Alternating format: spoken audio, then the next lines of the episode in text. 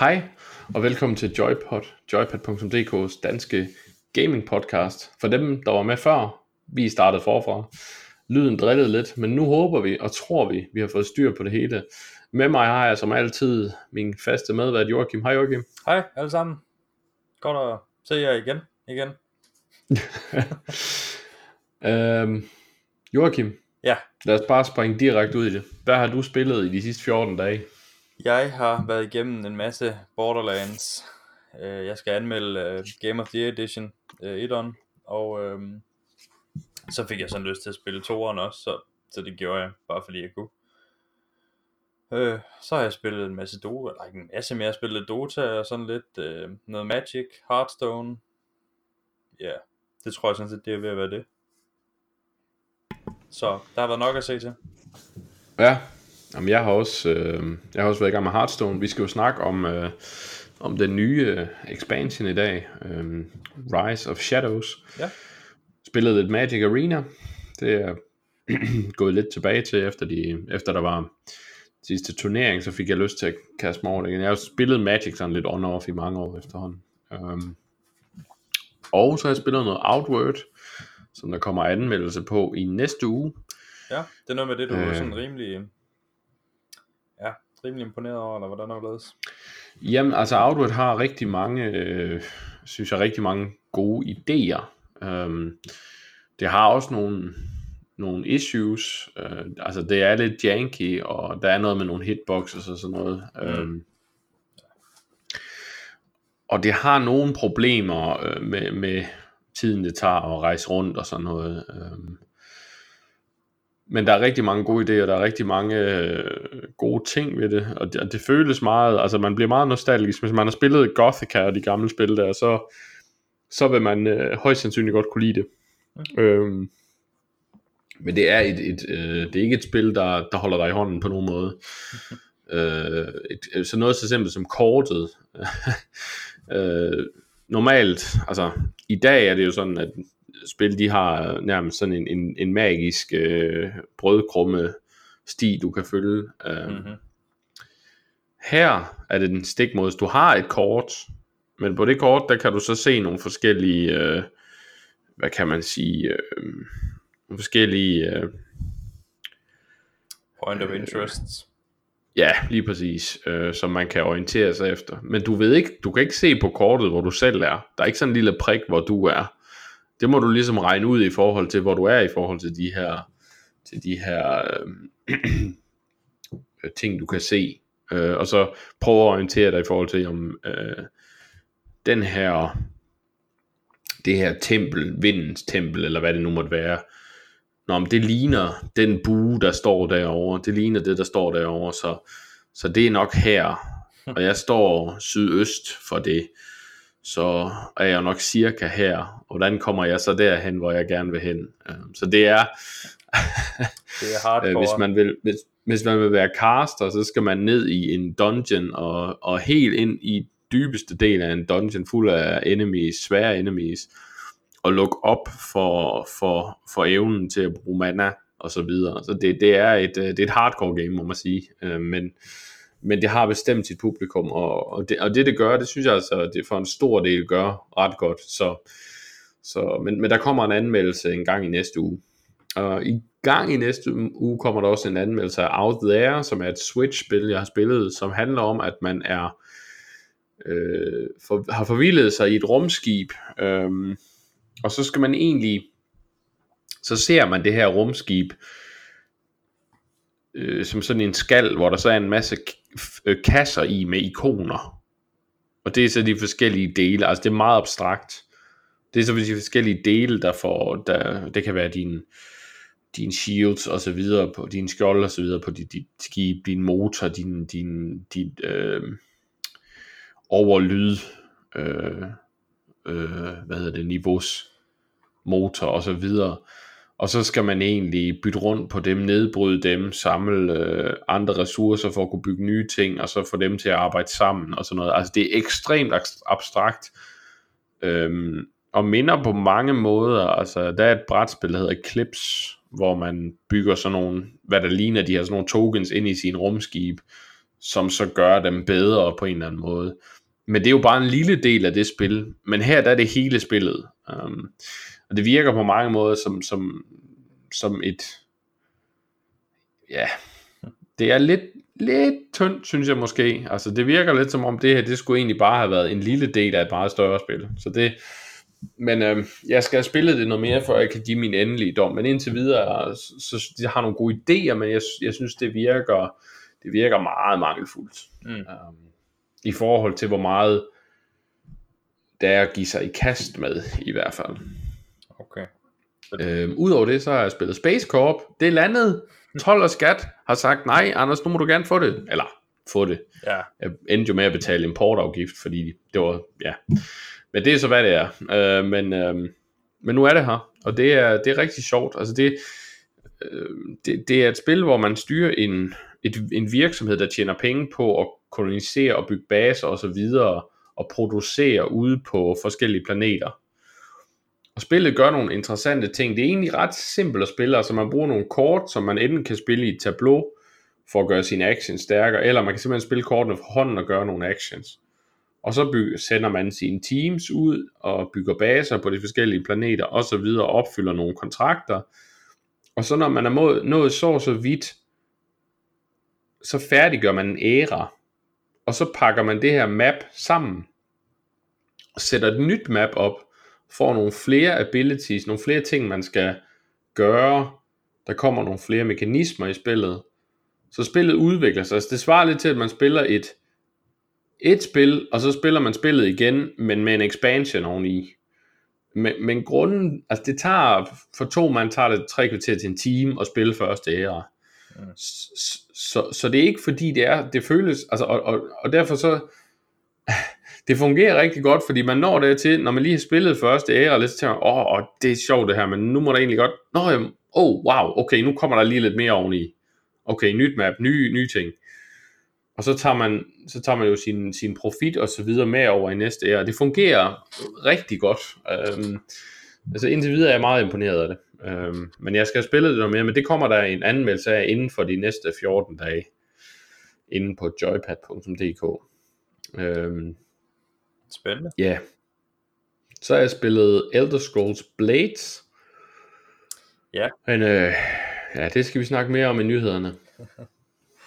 Skal vi ikke øh, bruge det som sådan en lille, lille segway, som man siger, ind til at kaste os jo. glupsk og sulten ud over nyheder. Der er, der er dejlige nyheder. Der er alle, det virker som om alle AAA-studierne har sagt inden for de sidste 14 dage, nu skal vi godt nok sætte os ned og skide i nælderne på tværs. Ved du, jeg tror, de har, og det har de gjort. Jeg tror, de har snakket sammen, og så har de tænkt, de der drenge fra, fra Joypod, de skal simpelthen have nok at snakke om. De skal ikke løbe tør for, for øh, nyheder. Vi giver dem en hel Nej, det er tydeligt. Det er godt nok, jamen jeg ved, altså det, det virker lidt som om, at det, at det ene firma er startet, nu, nu, nu laver vi en bummert. Så tager den næste trip og siger, det duer ikke, dreng. De har lavet en bummert. Vi er nødt til at, vi er nødt til at gøre noget større endnu. Ja, og så er de ellers bare kørt i cirkel der. Nå. Ja. Joachim, hvad har vi af nyheder? Skal vi ikke starte med sådan en, en ja, jeg ved ikke om man kan kalde en opmuntrende, men sådan en neutral nyhed, at, at Frostpunk, som vi har anmeldt, øhm, det kommer til PS4 og til Xbox One her til sommer. Øhm, det er jo sådan, ja, det kan man tage. Det er en god nyhed. Det er en god nyhed, synes jeg. Ja, det var, altså, det var ikke et dårligt spil, det var, men det er jo ikke sådan, at man... Nej, det var det bestemt ikke. Det, altså, jeg, vil, jeg vil gå så vidt sige, det var, det var, det var et fint spil. Ja, øhm, det var ganske udmærket. Og øh, altså, jeg kunne godt se, at det fungerer godt på, på konsollen, netop fordi, at der ikke var så mange øh, voldsomme undermenuer, man skulle ind i. Altså selve UI'en, uh, user uh, interface, var egentlig relativt simplistisk. Det kunne jeg godt se fungere på konsol. Ja, Ja. Ja, det må vi se, hvordan de, de finder ud af, hvad de, hvad de gør der. Men, men tænker du ret, det må være lidt ligesom Civilization. Øhm, den måde, det... Nu er det længe siden, jeg har spillet Civilization, men... Øh, altså Civilization 6 fungerer jo godt på Switch i hvert fald, så... Det er det. Så, øhm, så det... Ja, det sådan, og altså Frostpunk er ikke nær så komplekst nej, nej, nej. som Civilization 6. Det var, altså, det, det var bare det, jeg mener, hvis, hvis de kan få det til at fungere, så kan de vel også. Ja, jamen, jeg er enig, enig, jeg er enig. Jeg er enig. Øhm, men ja, det var, øh, det var sådan en, en opmuntrende... Vi starter blødt ud, ja, det må man lad os sige det sådan. Den næste derimod, øh, angående Anthem og, og Dragon Age 4, øh, det ved jeg, det har du læst lidt om, Anders. Hvad, kan du ikke tage Jamen det er vores, vores fantastiske, ikke vores, Kotakus fantastiske øh, journalist, øh, Jason Schreier, han øh, har anonymt interviewet en del udviklere ved BioWare, som har fortalt lidt om, øh, hvordan det var at være under arbejde under Anthem, øh, og der kom frem, altså hvor galt det er gået. Altså det har egentlig været i præproduktion i 6 år, og så er det kun de sidste halvandet år, at der reelt er blevet lavet noget på spillet, så at spillet kom ud på nogen måde er faktisk lidt imponerende. ja. Øh, men det gør så også, at vi kan på ingen måde være overrasket over, at spillet er så fuld af fejl, som det er. Øh, men, men ja, øh, men det der så kom frem, det var også, at der var mange problemer med måden tingene foregår på. Altså, du har du har BioWare Austin, som, som jo står bag øh, Svotor, som er et online game, der fungerer. Altså, det lever den dag i dag, der kommer snart en expansion til det igen, hvilket jo ikke er, altså det er jo, det er ikke, det er ikke alle MMO'er, der lever i dag, lad os sige det sådan, altså Wildstar døde jo for, forleden, øhm, så, så der kunne de måske, men dem har de ikke lyttet til, og, og der, der var mange problemer med ledelsen, virker der til. Øh, folk er blevet kørt helt ned med stress, og, og det samme gør, og så har vi jo så Dragon Age 4, og Dragon Age er jo sådan en, en, en, en serie, som mange har, har sådan et, et stort kærlighedsforhold til. Jeg synes jo, Dragon Age Origins, altså etteren, er et af de bedste spil, jeg nogensinde har spillet. Øhm, Toren og Inquisition var så af noget lavere kvalitet, men stadigvæk gode spil, og stadigvæk spil, jeg har spillet igennem. Men øhm, de fik så lavet nogle forslag til, til øh, der kom et, et, et øh, kom frem her i artiklen, at man havde nogle idéer til Dragon Age 4, øh, gode navn Joplin, som faktisk lød rigtig interessant. Man ville i stedet for at gå fuldstændig open world, masser af sidequests og sådan noget, masser af fyld, som Inquisition havde, så ville man øh, skalere det lidt ned, og så fokusere på historien, fokusere på karaktererne, og have flere interessante karakterer, som man arbejder på. Øhm, og så... Øh, øh, og det lød faktisk ret fantastisk, og, og, og arbejde meget med det der med, at jamen, de ting, man gjorde, har, har reelle konsekvenser i forhold til de andre personer, i forhold til historien og sådan noget. Så ikke så meget fyld, ikke, ikke microtransactions, ikke alt det der, men i stedet fokus på persongalleriet og historien, som er det Bio er bedst til. Se, det ville jo have været, tror jeg i hvert fald, øh, en, et sikkert hit. Altså kom de ud med det, så havde vi et potentielt Game of the Year spil, er jeg ret sikker på, for Bioware kan det her. Men Papa EA synes, ej, det der, det dropper I, simpelthen.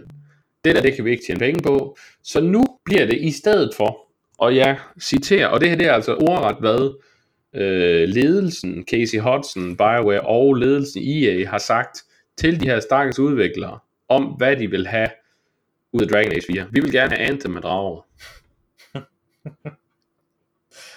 ja. Hmm. Tænker jeg også lidt, hvordan skulle det hele fungere? Anthem er jo et spil, der har en fin historie, et rigtig godt combat system, men udover det, så er det lidt som at tage en hundelort og smide den op i en ventilator. Og så det kigger ja. de på, og så tænker de, det der, det vil vi egentlig gerne have bare med drager. Jamen altså, hvis man skal sige noget sådan til deres forsvar, så kan man sige, uh, dårlig, om, dårlig omtale er også god omtale. Eller også omtale. Ja, man bliver træt. Og når man hører den der, det der, hvad, altså hvis man går ind, jeg synes, I skal gå ind på Kotaku og læse Jason Schreiers øh, artikel omkring Dragon Age 4, hvor han går i detaljer med, hvad det her øh, Joplin skulle have været, og det lyder så fantastisk. Altså jeg sad og tænkte, nej, det er lige det, jeg vil have BioWare skal lave. Ja, det, det lyder godt nok meget lovende, det vil jeg også sige. Men nej. Sådan skulle det ikke være. Nej. Som du så godt fik formuleret det, Papa Yeah. Ja, jamen det er håbløst. Nå, Ja, ja. Ja, men det, jeg, jeg kan desværre ikke engang trøste, men det bliver bedre nu, fordi øh, nu... Ja. Øh, Activision Blizzard, de har, øh, der er blevet, hvad hedder det, det blevet fundet ud af, at de holder simpelthen øje med deres medarbejders graviditet ved hjælp af en, øh, en, en app, eller hvad man skal sige, et, et form for program, øh, hvor de simpelthen kan holde øje med, med frivilligt, skal lige siges. Der er ikke noget, øh, som de skriver gun to the head, eller noget. Der er ikke, det er jo ikke noget tvang. Øh, man, man, øh, man kan simpelthen gå ind og holde øje med, med medarbejdernes... Det er freaking creepy. AF. Ja, præcis. Nu, nu er det bare for at, at fortælle, hvad jeg har læst derinde. Øhm, hertil skal så siges, at øhm, der vil være et uh, giftcard uh, på en dollar for hver dag, man brugte den her app. Uh, det er jo sådan lidt ligesom for at, at lokke folk med til det her. Hold mundsige. Det bliver det ikke mindre ulækkert her. Nej, det gør det ikke. Uh, uh, Activision Blizzard, hvad har I gang i? Uh, hvad sker der? Det her altså, det er så mærkeligt. Det er så mærkeligt. Og ja. undskyldningen, forklaringen er, for den er jo kommet fra nogle uh, higher-ups, jamen det er fordi, vi vil gerne sikre os, at uh, dem, der er gravide, de ikke bliver stresset, så, der ikke, uh, så de ikke aborterer. Folkens ja. løsning er ikke at tænke, høj, Ulla, hun er gravid, og det, uh, hun er lige lidt stresset. Det kunne godt være, øhm, Peter derovre, han ser utrolig lykkelig ud. Han kan godt få nogle flere opgaver. Han har godt af lidt stress. Lad os give ham lidt stress, så Ulla kan få det øh, lidt, lidt bedre, fordi øh, det, det, det, det duer ikke, at, øh, at Ulla hun aborterer. Det vil være, puha, tænk sig, altså vi kunne jo få en retssag. Det, det vil koste os penge. Hvad med, at I bare lavede et arbejdsmiljø, hvor jeres medarbejdere ikke gik hen og fik stress og folkens. Ja. Jamen det her, det er jo, det er så ulækkert. Ja. Altså. Det er, det, jeg synes også, det er første gang, man har hørt om sådan noget øhm, inden for, ja, for den, den her verden, hvis man skal sige det på den måde. Øh, at, at man begynder direkte at, at skal holde øje, altså hvad er det for noget Big Brother-agtigt lort, lad være med det. Det er Stop. så ulækkert. Ja, de, de hører ikke nogen steder hjemme. Øh. Nej, nej, det gør det godt ikke. og, og så deres, deres kommentar med, ja, men det er jo fordi, vi havde også spurgt, hvordan det gik, og så fik vi at vide, at vi snagede for meget. Jamen, så er det jo bedre at bare lave en app, der holder øje med folk i hemmelighed. Det er jo meget bedre, det kan jeg godt se. Øh, I stedet for at have lidt menneskelig kontakt og spørge, hvordan det går. Lad være med at snage! Så kan man... ja, altså... Lad, lad nu jeres medarbejdere være almindelige mennesker, når de er fri, og... Ej, det er så syret. Ej, det, det er simpelthen for åndssvagt. Det er, øh, man får sådan helt tæerne, de sidder den. Men altså, det burde ikke overraske altså, os. Activision er jo også det firma, der har opfundet øhm, hele den der formel, og, og det der software i spil, der skal øh, den der idé med, en algoritme med, at man skal øh, matchmake folk, nogen der er nystartet, sammen med nogen, der har alt muligt gear, og så lade dem blive ownet af dem med alt muligt gear, for at så give incitament til de nystartede til at gå ind og købe en hel masse loot boxes og så videre, for at kunne få det samme gear, for at kunne blive bedre. Um, men ja, men altså det her, det, altså, det, det andet, det er jo slemt nok, men det, det er simpelthen ulækkert. Altså. Huh, det er creepy. Yikes. Ja, det, det, det er bare for mærkeligt. Uh, ja. Så lad os, øh, lad os springe hastigt videre til, til næste nyhed, som er knap så slem, vil jeg sige. Det er bare mere åndssvagt. Nej, præcis. Det handler om, at uh, Bungie har øhm, øh, dummet sig ved at... Øh, de har jo de her PS4 eksklusive våben og øh, strikes og whatnot.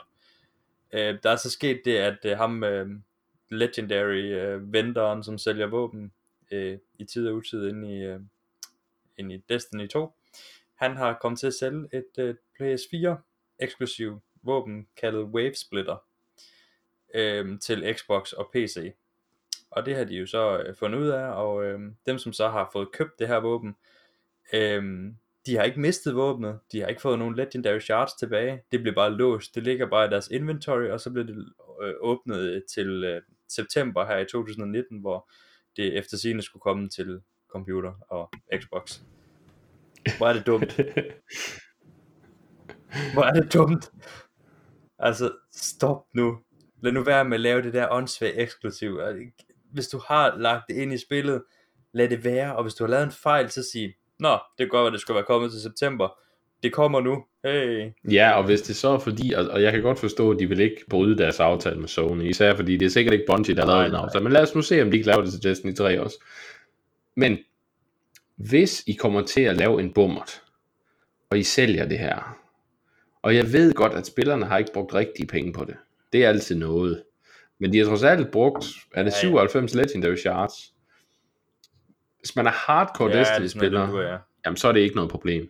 Men, hvis du er en helt almindelig Destiny-spiller, sparet op, vil hen, oh, jeg går hen til sur, oj, den vil jeg gerne have, fordi jeg har ikke set det våben før. Jamen, de får ikke deres shards, men nej, I må bare vente. Og det kommer bare til at ligge, altså nu ved jeg godt, det er ikke noget problem, at det ligger og fylder dit inventory, men det er bare sådan lidt irriterende at se et legendary våben. Det er en hver dag lige provokation, du går ind og kigge på. Se, du må ikke, du må ikke lege med den her. Ja. Den, den ligger lige her, du kan se, den er lige her, men du, Ej, må, det... ikke, du må ikke prøve den. Nej, nej, det Fejl skal ske, og fejlen i sig selv er ikke slem, altså, men måden at håndtere det på, få nu bare returneret de shots, jamen, og så er det det. det, eller så sige, jamen igen det der med, det kunne godt være det første til september, de har tænkt sig at frigive det våben så, bare, så må der være en, der siger, at jeg giver en choir til redaktionen, og så... Ja, det tror jeg altså ikke, de kan gøre på grund af altså, Sony. Det tror jeg ikke, Sony vil gå med til. Uh, men men Nej, i det, det mindste så, så returnerer det, folk har brugt. Altså, det kan da ikke være så svært. Lad være med at være så freaking grådig, altså. Mm. Ja, præcis. Nej. Nej, nej. Sådan skulle det ikke være. Nå, men så har vi jo en god gammel kending. Fallout 76. Ja. Øhm, der kan du få efter, efter sine, kan du få nogle repair kits, du kan købe for rigtige penge. Jo, men altså vi har Activision Blizzard, som, som, øh, som er super ulækker. Vi har øh, BioWare EA, som er super klamme. øhm, og så har vi Bungie, som siger, om vi vil også lave en lille bummert. Altså, vi, vi vil i hvert fald også gerne være med ja, i nyheder. en lille bummert. Øh, vi vil ikke helt te os som klamme dyr, men vi vil da gerne lige nævnes i hvert fald. Og så har vi så Bethesda, og tænker, nej, det kan ikke være rigtigt. Vi vil være med. Vi vil ikke være ulækre. Vi vil tænke at være åndssvage. Ja. Ja, det er de så også gode til. Det, det der er sket, det er de her repair kits. Det er jo nogen, man skal bruge på at reparere sine suits, når man er i et ray, uh, ude at kæmpe med store monster eller sådan noget. Det siger sig selv, at hvis man har x antal repair kits på hånden, jamen altså, så har man en fordel, fordi så kan man hurtigt komme ind og kæmpe igen, og så videre. Mm. Så det var jo ikke noget problem, hvis de her repair kits var nemme at lave. Man kan få et specielt luksus repair kit, som tager rigtig lang tid at lave ud af, af ting, man finder i verden. Men man kunne også vælge at få et basic repair kit. Hvordan får man fat i det, spørger du? Jo, du tager fars tegnbog. Så kigger du lidt i den, ser lige om der er et par sædler, og så smider du dem ind i skærmen til Bethesda. Og så sidder de ikke gnider sig i deres små tykke hænder og tænker, ja, yeah, nu brugte de penge igen. Det her, det er jo sådan lidt en afart af pay to win, fordi du betaler lidt. dig til en decideret fordel i spillet. Altså. Ej, man kan måske sige uh, pay to advantage, altså det er måske ikke pay to win decideret, men... Nej, altså det er jo, lidt, det er jo PvE, ikke også, men, men, men, men det er trods alt en, en ret, ret stor fordel, du har i, at, ja. at du ikke skal sige, nå okay, jamen jeg kan ikke klare den her boss, og jeg er damage, så nu er jeg nødt til at gå tilbage og farme i to timer, før jeg kan komme igen. Nå, nu er der nogen, der har taget ham, hvad ved jeg. Altså nej, jeg, jeg betaler bare nogle penge, og så kan jeg blive ved, og så kan jeg få mine ting. Um, det er, og, og det, det er især smagløst, fordi det her, det var noget, som de var ude og savle i medierne om, at det, vi får ikke for noget. Det eneste, vi får i vores job, det bliver kosmetiske items. Ja. Folkens, jeg ved ikke, om I øh, ikke, øh, ikke kan, snak, kan, kan forstå begreber, men, men der er ikke noget kosmetisk ved det her. Altså, det er, det er en decideret fordel ja. igennem det, det der, penge. Det, det er lidt en bummer, det der. Det, det er en ommer. Ja, det er ulækkert. Det er lidt ulækkert. Men det er jo sådan en fin segue videre til, det næste, som også kommer fra Bethesda, Elder Scrolls Blades. Ja. Ja. Hvad, hvor skal vi starte?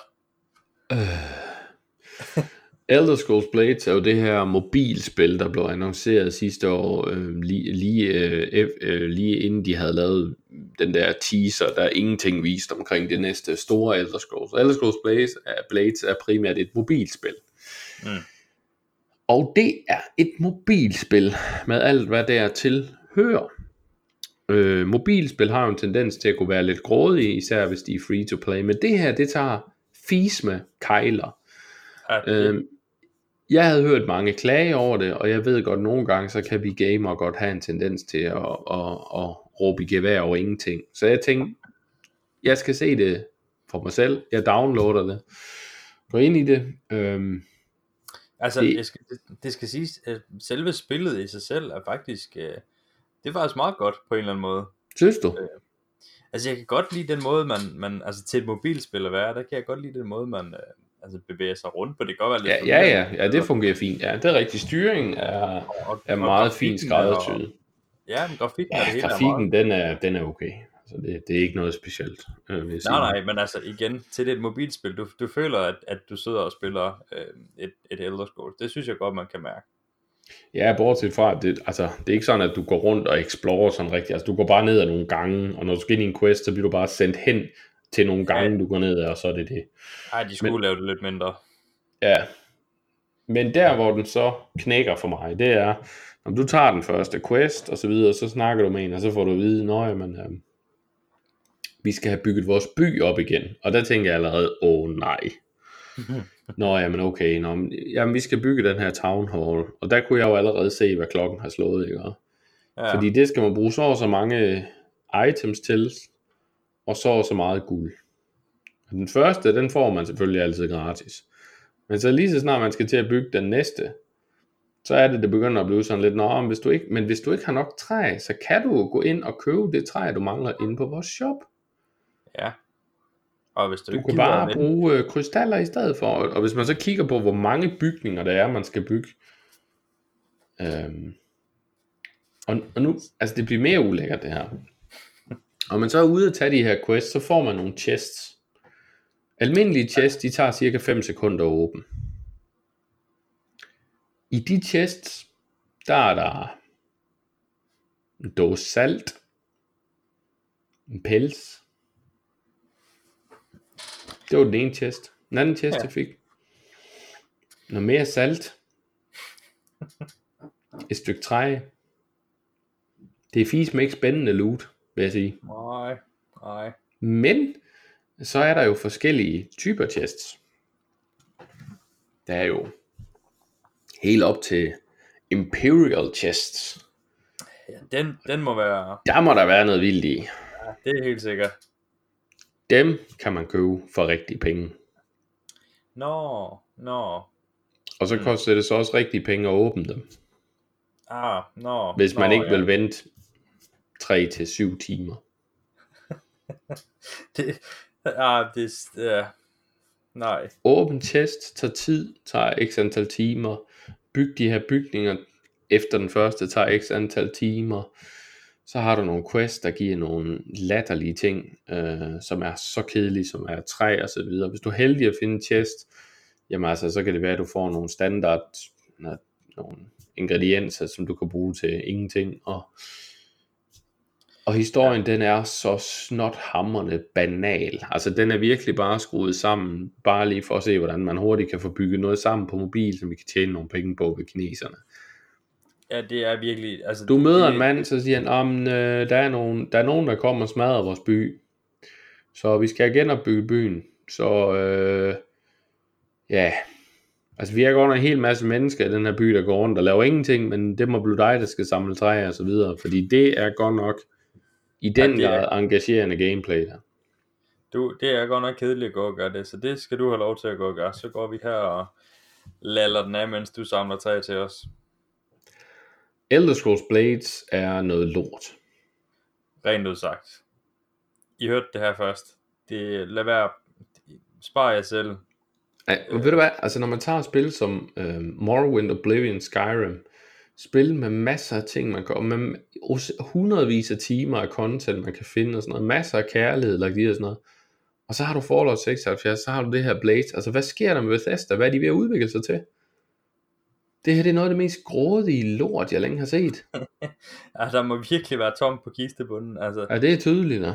Ja, ja, der er ikke så meget mere, der kan siges end nej, stop, stop det, lad være Bethesda, det, det er for dumt.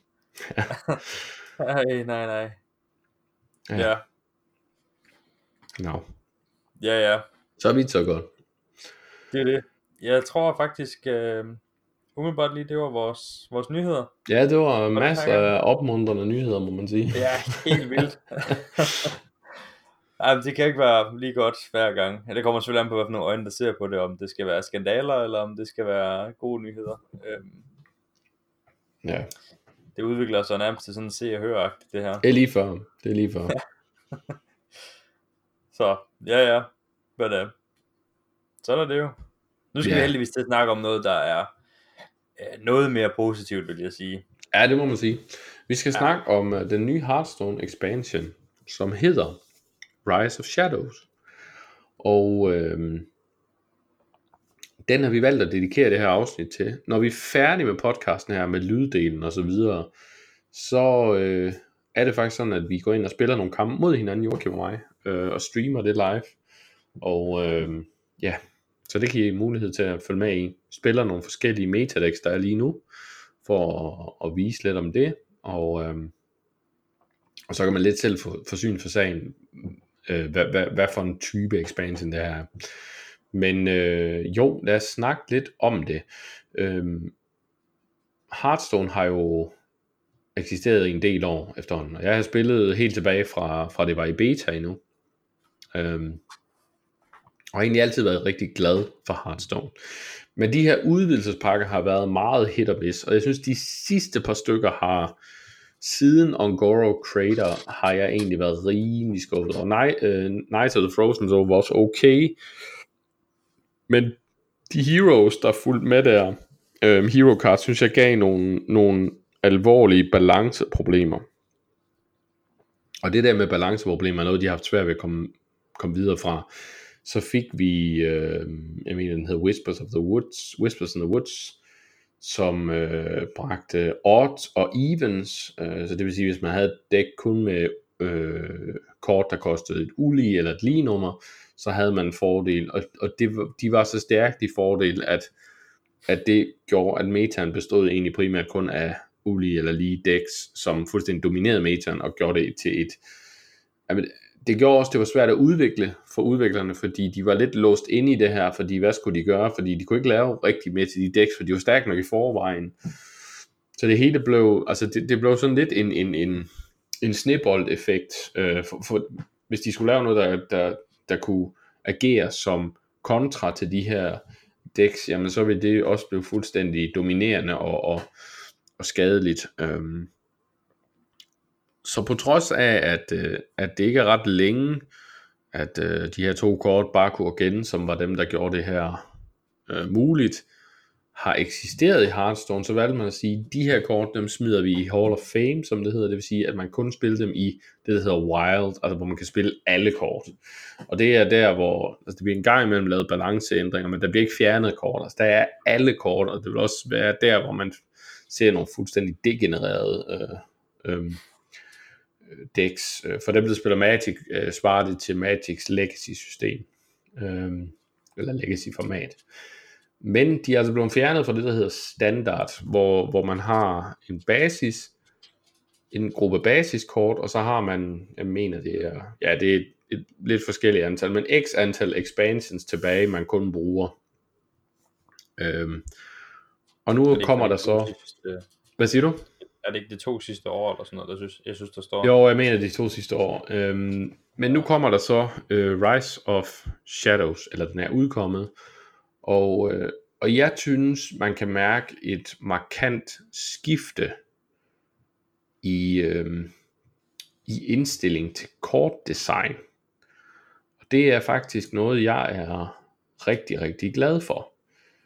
Øhm, noget af det, jeg synes, der er interessant ved, øh, noget, der har været et problem, som sagt, det er, at, at man har gået meget efter at lave sådan nogle, måske lidt, lidt vanvittige ting, øh, rent styrkemæssigt, øh, for at holde det sjovt, men det, det har så gjort, at man har været meget, altså dækken er blevet dyrere og dyrere, især i den sidste expansion, øh, Rastakhan's Rumble, stort set alle decks havde x antal legendaries, så, hvilket gjorde det meget, meget svært, hvis man var ny, der kom ind i spillet, overhovedet kunne være med. Øhm, men det vi har set den her gang, er nogle legendaries, der er øh, på sin vis lidt tosset, men, men dog mere, øh, altså de er mere, de kræver, at man bygger et helt dæk op omkring dem, for at de overhovedet fungerer, og så er de ikke sådan, at, at de automatisk gør, at man har som Baku igen gjorde godt, at man har en fordel fra første turn. Altså de her er nogen, der gør noget, når de bliver spillet, og det, man skal bygge dæk om året. Det vil sige, at man bliver svagere over for nogle andre dæks. Mm. Samtidig synes jeg også, vi har set, øhm, synes jeg også, vi ser allerede på metaen. Metaen er selvfølgelig ikke faldet til ro endnu, men, men et af de decks, der fungerer nu, som øh, Hearthstone streamer Thijs fandt, det er et Silence Priest deck. Vi kommer lidt mere ind på decks, men det der er interessant ved det her, det er, at det er et spil, der ingen legendaries har, ingen epics. Altså det vil sige, det er et meget billigt deck, som alle har råd til at lave bare med, som med en free account. Øh, og det kan klare sig mod de her store, dyre decks. Øhm, og, og det er det, vi, vi har manglet, synes jeg, i de sidste par expansions der mangler lidt noget til, til den almindelige spiller, som ikke, øh, altså som man ikke skal ud igen, øh, så du ikke bare skal ud og frem med, med muldvarpeskinnet, og så bare lægge øh, x antal dollars for at, at være med. Øh, det skal gerne kunne, altså det skulle gerne kunne holde sig op med, at, at selvfølgelig skal der være en, der skal selvfølgelig også være noget for dem, der sidder og spiller det meget, øh, men der skal være noget balance i det på en eller anden måde. At, øh, at det ikke bare er, ja, pay to win, om man vil. Ja, ideelt så er det sådan, at jo flere kort man har i sin samling, jo flere typer decks kan man spille. Øhm, men at en med få kort kan vælge en class og fokusere på at kunne klare sig mod de andre. Mm. Øhm, det skal helst være det, der hedder altså i Magic har man termen pay to compete. Altså det koster jo noget, altså man skal have et dæk, det er klart. Så ja. man er nødt til at arbejde lidt for at få i hvert fald et dæk i en class, der fungerer. Jo, jo. Men når man har det, det så kan man også være med.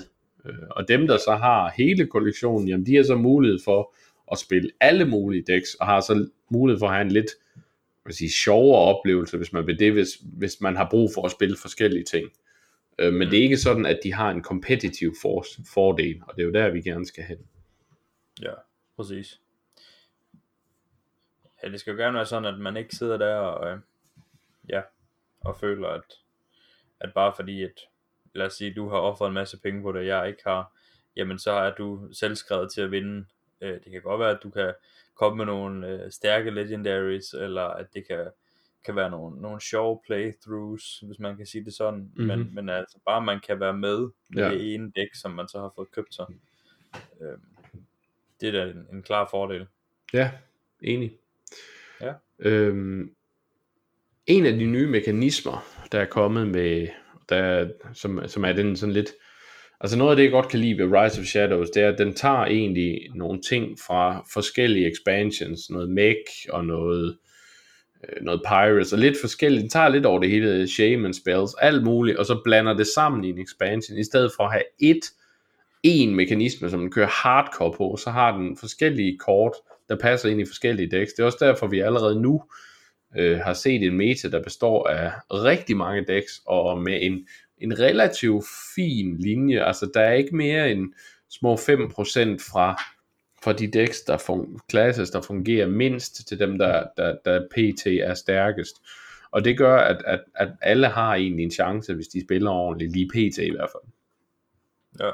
Der kan godt være, at der er et eller andet psykopat-dæk, der ikke er opdaget endnu, øhm, ala Secret Paladin, som virkelig ødelægger meta, men vi har ikke set det endnu, og vi kan jo kun bedømme det på, på det, vi har nu. Der kommer selvfølgelig en anmeldelse på Joypad af expansion, men den kommer altså først, når vi har fået singleplayer-delen øh, at se, og den er ikke udkommet endnu, vi ved, ikke vi ved faktisk ingenting om den endnu, så men, men, men i dag, der kigger vi lidt på tilstanden, som vi har den øh, nu, og øh, den mekanisme, vi, vi kan kigge på, det er det, der hedder lackeys. Og der har du en, øh, en hel del kort, som giver de her lackeys, og, og det kan være en battle cry, der gør, at man får to lackeys, og så videre i hånden.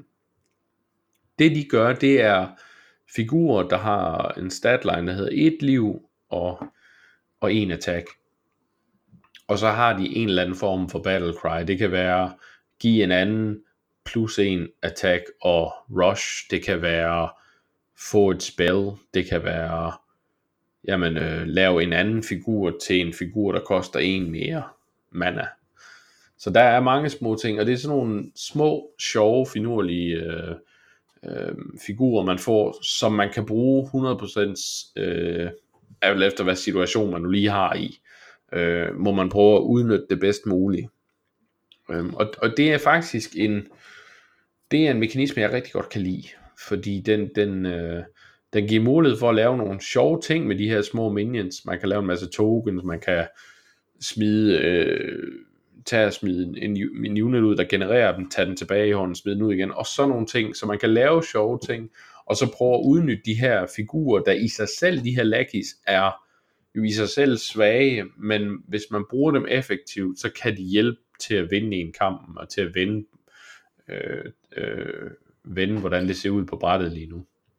Altså jeg vil sige, min umiddelbare mening, øh, og det her det er, i hvert fald, det er overhovedet ikke som en, en hardstone ekspert eller noget som helst, men min umiddelbare mening, øh, det er, at, at det virker meget som om, at det skal være noget, det skal være sådan, og det her det mener jeg på en god måde, det skal være sådan lidt lallet, det skal være lidt sjovt, det skal være øh, måske knap så øh, alvorligt, det er forkert at bruge, men, men knap så seriøst på en eller anden måde. Øh, man skal kunne lave noget, noget sjovt og smide de her lackey, som du selv siger, ind og ud og og lave noget sådan lidt fis og ballade. Øh, det virker meget sådan i, i, altså, i mit hoved, hvis jeg skal sige det. Ja, men jeg kan godt følge dig. Og jeg er faktisk enig. Øhm, problemet har været før i tiden, når Blizzard, når Team 5, øh, som er teamet bag øh, Hearthstone med Blizzard, når de før i tiden har prøvet at lave de her ting, så er det lidt som om, at de er, når det skulle være sjovt, øh, ligesom, så, så blev det enten ekstremt random, og vanvittige. Altså vi havde øh, Yorkshire som for hver spil, du har spillet i din kastet i din kamp, så gener- lavede den et, et random spell med et random target. Og det var fuldstændig, altså hele kampe kunne jo blive afgjort fra, at du blev udspillet en hel kamp, så spiller du ham, og så vinder du på tilfældigheder.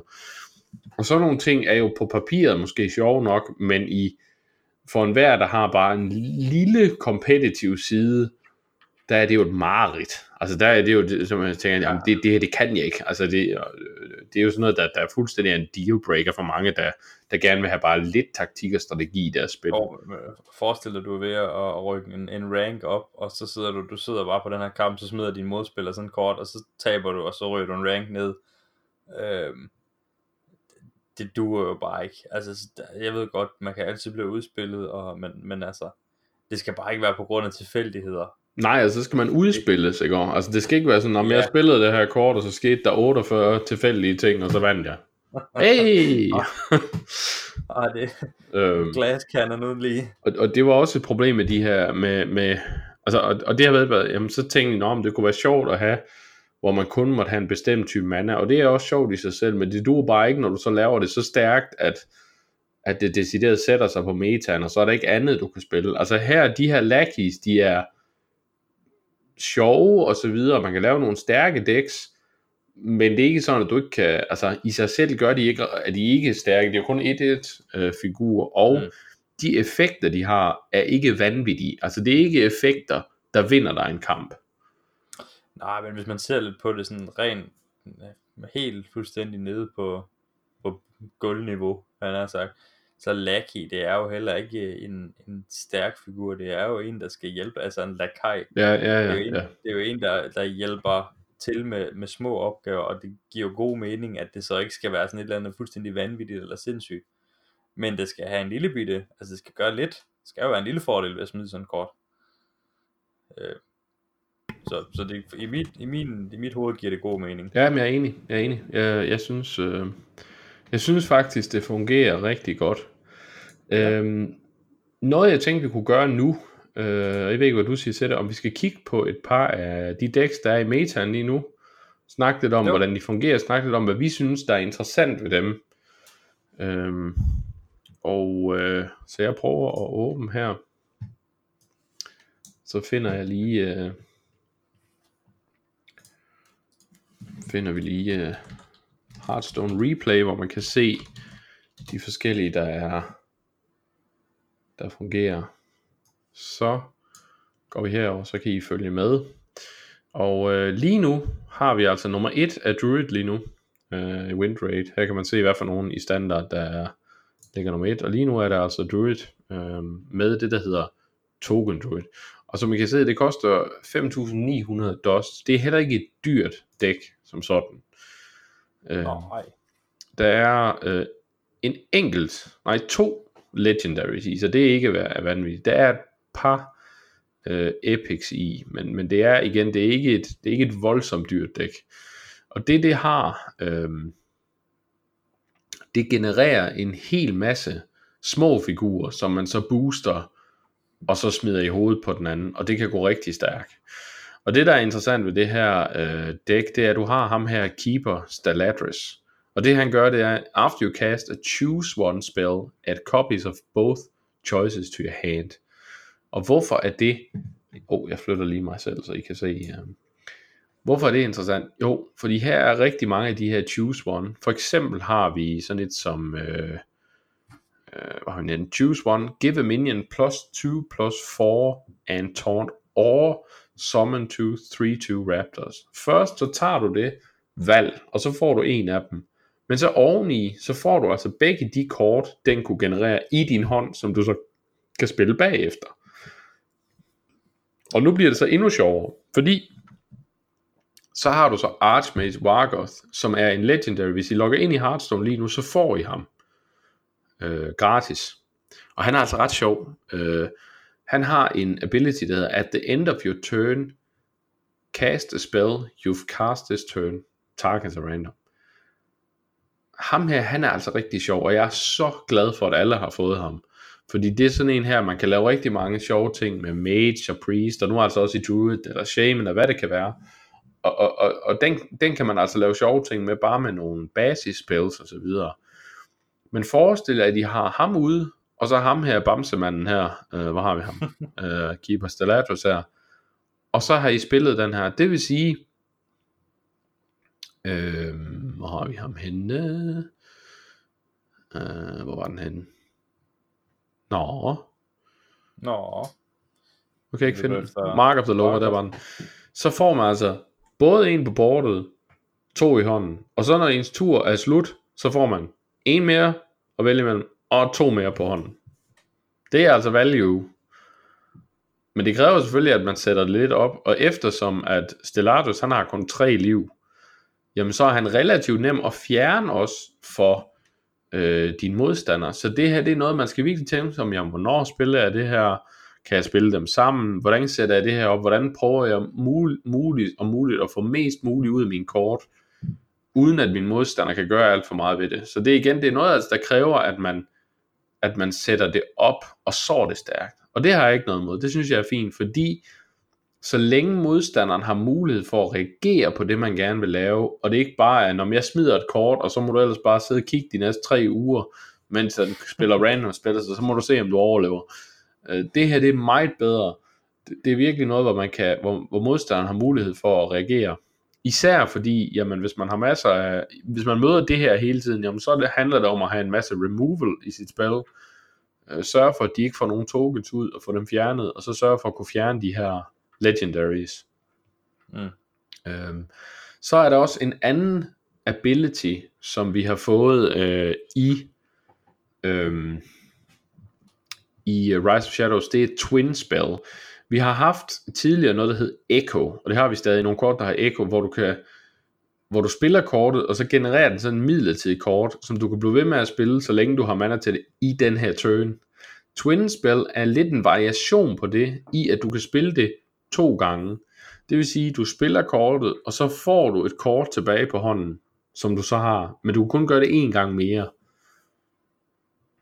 Og det må, men, men til gengæld så forsvinder det ikke. Altså det er ikke et midlertidigt kort. Det er ikke sådan, at du spiller det, så skal du spille det nyt. Det kan heller ikke lade sig gøre, hvis det her forestillingen koster 8, så skulle du have 16 mana. Så. Men, øh, men her, der spiller du det, og så får du kortet tilbage på hånden, og kan så spille det igen. Igen, det bliver så ret sjovt, hvis man har sådan en som ham her, øh, øh, Archmate Wargoth, fordi så spiller du det her med Twin Spell, så får du tilbage hånden, plus at han spiller det igen, når turen er slut. Så der er mange sjove ting at gøre her, og, det, og her der handler det om, jamen, få en masse units ud på bordet, så giver vi dem plus 1 plus 1, genererer nogle flere units, og så ellers bare Savage War, og så slagter vi på turn 5 din modstander, og han tænker, hvad skete der? mm-hmm. Så, så det, det er et rigtig interessant, uh, rigtig sjovt dæk. Uh, jeg har prøvet at spille det, jeg synes det, jeg synes, det er meget sjovt. Altså. Øhm, og, og, det, virker, og det, det virker i hvert fald meget, øh, altså ja, det virker som et sjovt dæk at spille, det vil jeg også sige. Ja, altså jeg elsker decks, hvor, hvor man skal spille flere forskellige kort, der skal arbejde sammen, og man skal tænke sig om, ja, hvornår spiller jeg mine kort? Ja. Fordi hvis du ikke gør det rigtigt, jamen så får du ikke noget ud af det her dæk. Og derfor er det, jeg synes det er et rigtig godt designet, og, og det er det jeg godt kan lide ved de her nye Lucky Twin spil, og de, de nye noget. altså det er noget der skal sættes op, så det vil sige at man giver modstanderen mulighed for at reagere på det, og så er det lige pludselig kommet lidt væk fra det, men om hvis du bare har den her Legendary, så vinder du over en, der ikke har så mange Legendaries. Jamen her, der kan man bygge et dæk, der, der går imod det. Ja, og her kan man sige, at det, det er jo ikke bare fordi du har den Legendary, at du vinder. Øhm, altså, hvis ikke du spiller den rigtigt, hvis du, du bare smider den ud, uden at, at få det altså, fuld ud af den, jamen, så, så dør den jo bare, eller så får du ikke noget ud af det. Nej, lige præcis. Så, så det giver jo, ja. Lad os øh, kigge det næste. Så har vi den næste class, og det er Warrior. Og der har vi et dæk, der, øh, der er tosset. Det er også dyrt, 12.900 for den her. Øh, den har en ret høj win rate, øh, men man kan godt slå den. Øh, blandt andet har Shaman, er Shaman ret stærk. Det der er ideen med det her dæk, det er at lave en masse bomber. Og der er sådan to udgaver. Det her det er så en mere mech-baseret, øh, weapon-baseret udgave. Der er også en, hvor man bruger drager. Øhm, men her har man så nogle, nogle decks, eller nogle kort, som, skal jeg lige finde en af dem, ja, her er de. Øh, for eksempel Clockwork Goblin, shuffle a bomb into your opponent's deck, when drawn it explodes for 5 damage. Dem har man to af. Øh, så har man våben her. Hver gang man attacker, så shuffler man sådan en bombe i sin opponent's deck. Så har man Captain Greenskin, som øh, giver ekstra durability, det vil sige, at man kan angribe en gang mere med det her våben. Og det vil sige, at man kan smide en bombe mere i deres dæk. Øhm. Og så har vi sammen med Blastmaster Boom, som summoner Boombots, som vi jo ved gør 4 damage til et random target, når de dør, for hver bombe man har smidt i modstanderens dæk. og så har man så ham her, når man har ham, jamen så har ens Mex Rush, og de her Boombots, det er Mex. Så hvis man har ham ud, og så smider ham, jamen øh, så kan man ellers bare gå amok hver gang, når lige så snart de kommer. Så det er, det er et tosset dæk, lad os sige det sådan. Men øh, det er til at vinde over. Så har vi så også ham her, Augmented Alec. Whenever you shuffle a card into a deck, altså det må også være modstanders dæk, shuffle in an extra copy. Flere bomber. Bombs for days, må man sige. um, det er et meget stærkt dæk, og, og det, det, det minimerer lysten til at draw cards, vil jeg sige. Men hvis man bare har tilpas meget healing, så på et tidspunkt, så løber de jo tør for de her bomber. Og så, ja, samtidig så er det et dæk, der kræver lidt opbygning. Det har ikke forfærdelig meget øh, modstandsdygtighed. Øh, for eksempel de her token druids kan godt slå det. Mm. Øh, så igen, det handler lidt om, at man spiller kortet rigtigt. Man gemmer lidt på sine removals, hvis man er mod et aggro deck og sådan noget. Så igen, det kræver, at man spiller godt, men, men det er også et stærkt dæk. Øh, det er så et af de decks, hvor der er rigtig mange legendaries i. Men heldigvis, så kan man slå det, også med decks, hvor der ikke er så mange legendaries i. Spændende. Lad os prøve at kigge på den næste klasse. Så har vi Honda. Honda har lidt forskellige. De har både Spell Honda, og så har de sådan en, en Mech Honda og en almindelig mid-range Honda. Og jeg synes, både vi skal kigge på Spell Hunter og Mech Hunter, for det er dem, der sådan er, synes jeg er mest unikke. Midrange Hunter, det er mere sådan standard gammeldags Hunter med en masse beasts. Så Spell Hunter har også en del legendaries, må vi sige. Men det, der er interessant ved, ved Spell Hunter, det er jo i sig selv, at den har en farlig masse spells. Ja, hold da op. Spells med twin spells, med secrets, med flere spells. Øh, og så har du så hende her, øh, øh, Wind Ranger Varisa, som så får øh, det her øh, våben, som hedder Thoridal. Nu skal jeg lige se, om jeg kan finde det. Øh, og det kan være, at de ikke har det. Øh, skal jeg lige se, om vi ikke kan finde kortet.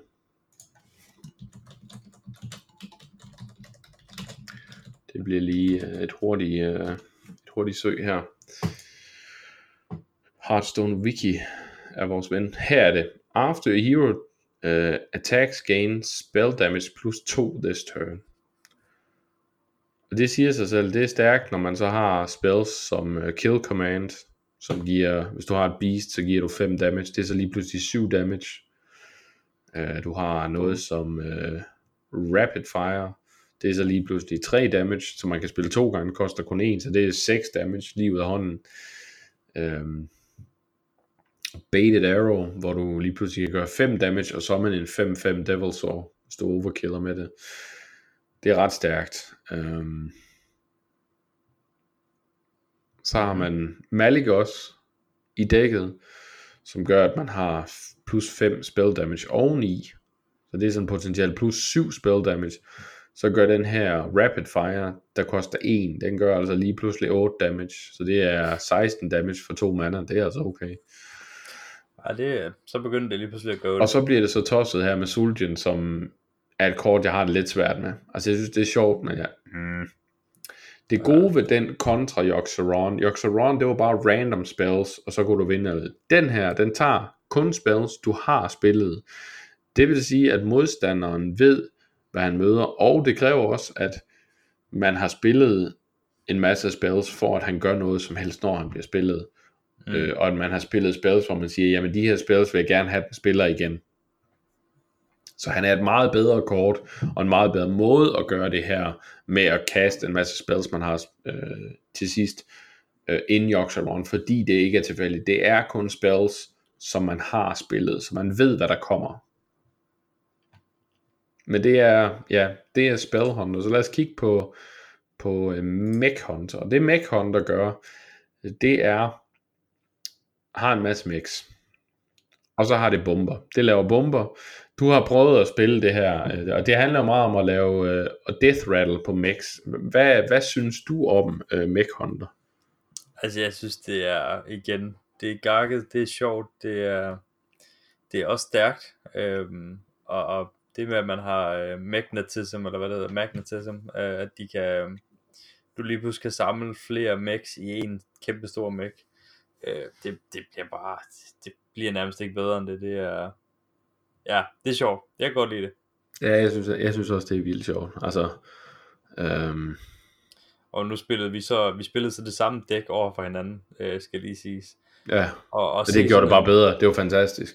Ja, og, og se det her dæk, som så altså counterspillede hinanden, så det var bare sådan noget pingpong af bomber, der bare hoppede frem og tilbage. Ja, det var, ej, hvor var det fantastisk. Altså, fordi så, så havde man måske en death rattle på den ene mech, der hed Trigger Another Mech's Death Rattle, og den death rattle, det var så Killer og det, um, an Enemy, og så havde du en uh, death rattle, der lavede en bombe, og lavede en 7-7 dragon, og så lige pludselig havde man 5-7-7 Dragons og taget tre bomber i hovedet, og så slog den den ene ihjel. Ah, det var fantastisk. Altså, det var som om, det var som om, at det var sådan et, et, en gang tennis øh, med bomber yeah. og mix, og at, at det var fjollet, men, men stadigvæk, altså man skulle stadigvæk virkelig tænke over, hvordan man brugte sin mix, og man ikke brugte dem for tidligt, fordi alligevel, selvom det var sådan noget pingpong, så var det alligevel den, der havde placeret sin mix bedst, og spillet dem på det rette tidspunkt, der vandt. Mm-hmm. Og det vil sige, at igen har vi det der med, at jamen, man skal tænke sig om, hvad man gør. Og magnetism, som du siger, det er jo sådan, hvor man så kan samle to max, så de bliver til en, der har alle de her ting, øh, som de to har kombineret. Og igen har vi også Sultan i den her, øh, for der er jo nogle øh, spells i, blandt andet Bomb Toss, deal 2 damage, summon øh, 0-2 Goblin Bomb, og det er så sådan en, der har en death rattle, der laver 2 damage, øh, når, den, når den dør. Øh, og de blev så spillet igen, når Sultan kommer frem, og ah, men det er... Øh, ja, ja det, det, var, var, det var fjollet og sjovt. Uh, virkelig, virkelig godt dæk. Uh, som, det må man sige. Ja, det, det er sjovt at spille. Og det gode, en god ting Hearthstone har nu jo, øh, hvis man ikke har spillet Hearthstone i lang tid, eller aldrig har spillet, det er, at, og det er en fordel, det har frem for, for Magic. øh, hvis du spiller mod en af dine venner, lad os sige, du er nystartet, ligesom i, i, det, i vores tilfælde, Joachim har ikke spillet Hearthstone ret meget de sidste par år, øh, og jeg har en ret stor kollektion, også fordi jeg har anmeldt alle de her expansions, jamen jeg har mulighed for at dele mine decks med Joachim, så han kan spille mine decks, så det vil sige, når vi spiller mod hinanden, jamen så kan vi spille de samme decks, og, øh, og det gør ikke noget, at den ene har flere kort og flere decks end den anden, fordi man kan dele med hinanden. Og det fungerer altså rigtig godt, synes jeg. Det er en virkelig en god ting, og det er noget andre øh, kortspil populært i dag. Også det her med, at de quests, man får for at tjene guld, så man kan købe packs og så videre, jamen, dem kan man løse mod sine venner. Ja, jeg synes i hvert fald, det, det gør det noget sjovere for sådan en som mig. Øhm, at, at det ikke er, hvad skal man sige, at jeg ikke bare sidder og tænker, nå ja, okay, eller, eller du skal til at, at lave et dæk, som at, hvad kan man sige, tilpasser, at du skal til at spille på 25% kraft af, hvad du rent faktisk kan. Ja. Øhm, det, altså, men det gør jo også bare, at du har mulighed for at prøve en masse forskellige decks, i stedet for normalt, når man er free-to-play player, jamen så ved man, okay, jeg er nødt til at vælge et eller andet dæk, og så kan jeg arbejde på det. Altså nu har du mulighed for at prøve en masse med mig, og sige, okay, det her Honda dæk, det elsker jeg at spille. Altså nu er det det, jeg sparer ja, sammen præcis. til, eller man kan sige, det er det, jeg arbejder på at få. Det gør det, det, gør det lidt sjovere. Enig. Øh, lad os kigge på et sidste dæk, øh, og det er Rogue. Min yndlingsklasse har det altid været. Yeah. Jeg skulle det, sige det. Og det er sådan et, øh, det, det, grunden til, at vi tager det her med, det er fordi, det er et dæk, der rigtig meget bruger de her lackeys. Øh, og ideen med dækket er, du bruger øh, et, et nyt våben, der kommer, der hedder Waggle Pick øhm, og den har en death rattle. Return a random friendly minion to your hand. It costs two less. Den kan man så bruge for eksempel sammen med øhm, Evil Miscreant, som koster 3 som en 1-5, der har combo, add to random lackeys to your hand. Den smider du ud, angriber anden gang med dit våben, den ryger tilbage til hånden, du smider den ud igen. Nu har du lige pludselig fire lackeys, du kan bruge, og så kan du spille dem, og de koster jo kun en hver, så det er lige fire, og så slår du lige af med en Edwin van Cleef oveni, som får plus 2 plus 2 for hvert andet kort, du har spillet det her turn, og bang. Øhm, så det her, det er sådan som jeg elsker at spille Rogue, hvor du spiller kort, trækker dem op i hånden, spiller kort, trækker kort, spiller kort, og det hele flyver op og tilbage, frem og tilbage.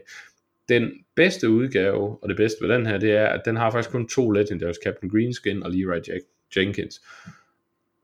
Og man kan også godt spille uden Greenskin, vil jeg sige. Uh, Leroy, vil jeg sige, er ret væsentlig, fordi man mangler lidt en finisher i dækket ellers. Um, og han fungerer også rigtig stærkt sammen med, med, med de her øh, øh, lackeys. Han er også rigtig stærk sammen med Waggle Pick, fordi øh, du kan spille ham, gøre 6 damage, og så angribe med din Waggle Pick for 4, få Leroy tilbage til 3 billige, og smide ham ud igen, og så gøre 6 damage mere. Det er altså, det er altså lige øh, 16 damage øh, på et turn. Det, det, det kan godt mærkes, vil jeg sige. Øhm, så, øh, så, så det her det er sådan et dæk, øh, jeg synes er rigtig sjovt. Men jeg ved ikke, du prøvede det også. Hvad, hvad, hvad synes du om, øh, om det her dæk? Altså, jeg kunne, også, jeg, jeg kunne rigtig godt lide det. Jeg har, det sagde jeg også til dig, inden vi gik i gang med kampen, at jeg har synes, at Rogue, det er sjovt, men jeg har aldrig rigtig sådan, synes jeg kunne finde ud af det, hvad man skal sige, at, at det Mm. var sådan lidt, det der med komboer, øh, men jeg vil sige, det her, det fandt jeg ret hurtigt ud af, og jeg havde det skide sjovt, og så er det jo en af de bedste legendaries i min optik, øh, Leroy Jenkins, det, altså, ja, ja, den er, øh, man hader at, at være op imod den selv, men man elsker selv at have den. ja, præcis. Altså, nu tænker jeg på en af de bedste, sådan rent, øh, ja, hvad skal man sige? Og tematikken, Ja, ja, jamen det er rigtigt. God gamle Leroy fra World of Warcraft. Hvis man ikke har, hvis man ikke ved, hvad vi snakker om, så synes jeg, man skal gå ind på YouTube og søge efter Leroy Jenkins uh, World of Warcraft. Uh, så finder man ud af, hvilken fantastisk menneske han er, var. ja, Uh, og, og det her kort, det er altså, det er altså den lille, en homage lille- til ja. ham. det må man sige.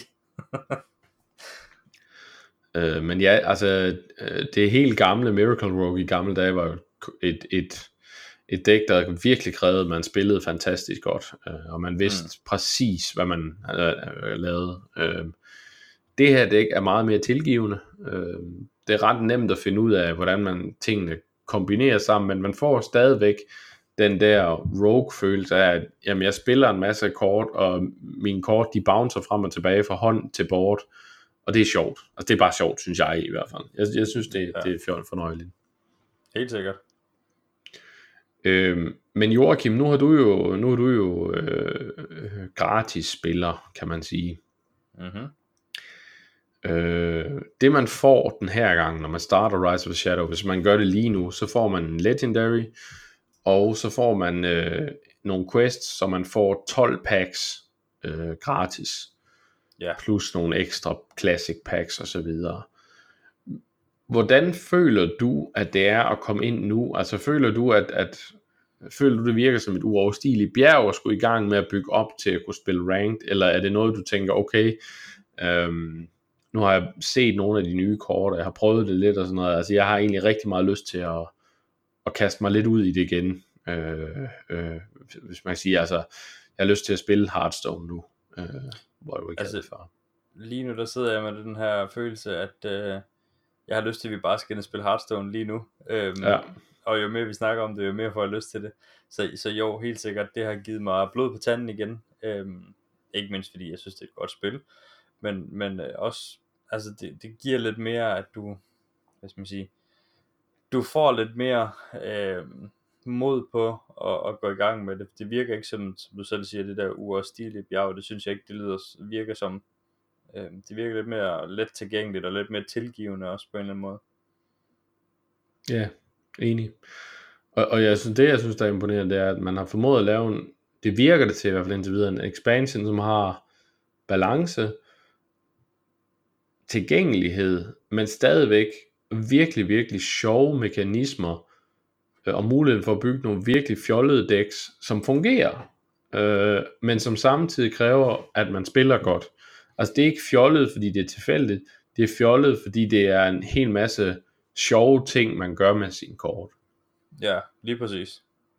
Og, og det der med, at man, altså, man har noget, man har noget, man, man leger med, altså, smider kortene ud, trækker dem ind igen, og man, man har hele tiden den der, man føler, man er i gang. Det er ikke bare sådan noget, nå, jamen, nu har jeg 48 minions, så smider dem bare ud, det er lige godt, hvilken rækkefølge, de, de flyver bare ud. Altså, det virker meget, øh, virker meget spændende og, øh, Jeg er enig. og enig. sjovt.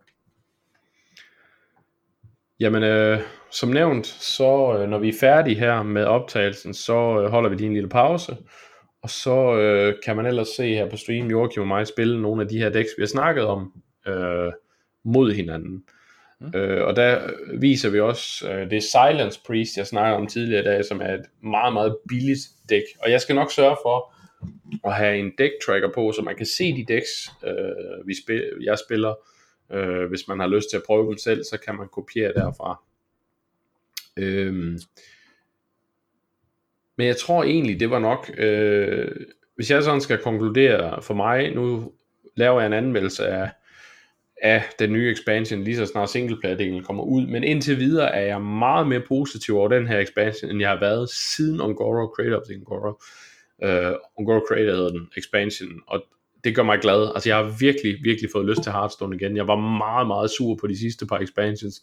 Især den sidste fik en hård medfart i anmeldelsen af mig, men, men uh, Rise of Shadows uh, virker til at være Hearthstone, der kommer tilbage i rigtig stærk form. Og jeg ved ikke, hvad, hvad din sådan uh, midlertidige konklusion er.